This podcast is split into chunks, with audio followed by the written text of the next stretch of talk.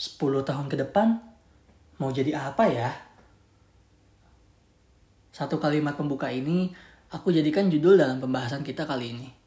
10 tahun ke depan mau jadi apa? Kita bisa dengan mudah memikirkan jalan cerita yang akan kita tulis. Seperti uh, nanti akan gimana, mau bertemu siapa, dan mungkin melakukan apa. Tapi kadangkala kita juga hanyut dalam hamparan hayalan.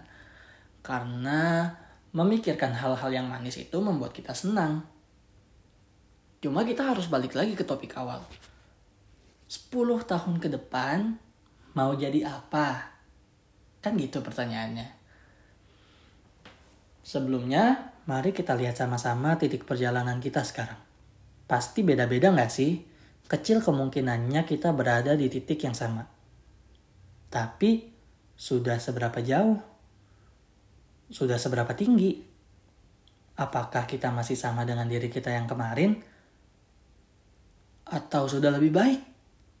Sekalipun lebih baik, baik di bidang apa? Kayaknya terlalu banyak nanya deh.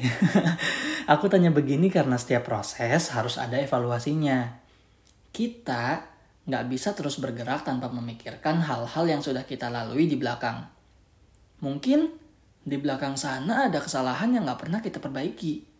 Makanya, itu salah satu fungsi dari evaluasi. Ya, mungkin kita nggak pernah tahu umur kita bakal sampai 10 tahun lagi atau enggak. Tapi kalau dalam 10 tahun lagi kita nggak tahu mau jadi apa, Lantas umur kita mau digunakan untuk apa? Kenapa kita nggak tahu 10 tahun lagi mau jadi apa? Kenapa? Apa karena kita tak apa karena kita terlalu takut punya mimpi yang besar? Atau takut gagal? Ya kita boleh takut punya mimpi yang besar, boleh kok. Semua orang ngerasain takut. Tapi bayangin deh. Tapi kalau terwujud gimana? Kita juga boleh kok untuk takut gagal.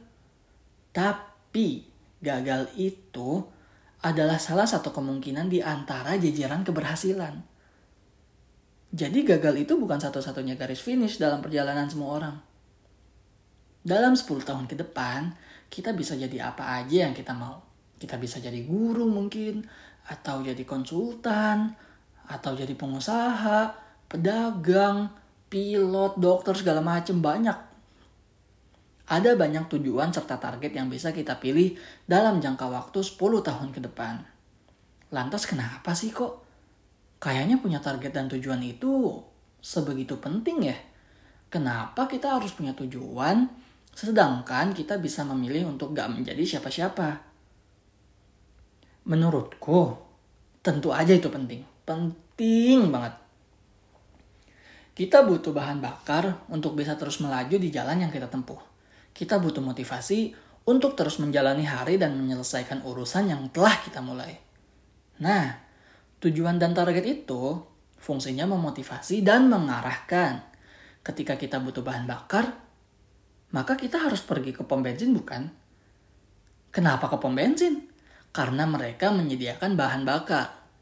Sama halnya ketika kita butuh motivasi, kita harus melihat kembali target serta tujuan kita. Kenapa harus dilihat?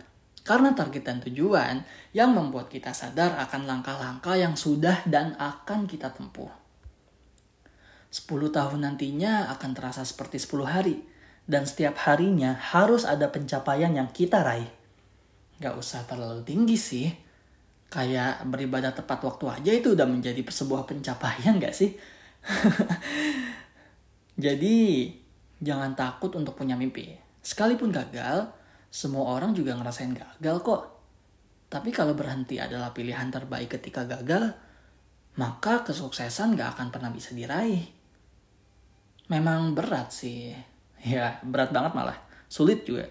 Susah gitu. Tapi ya gak apa-apa. Kita semua juga mengalami kesulitan. Dan itu berarti kamu gak sendirian ngerasain itu. Jangan malu untuk punya mimpi ya. Malu itu ketika kita nggak tahu mimpi apa yang harus kita raih. Terima kasih sudah mendengarkan.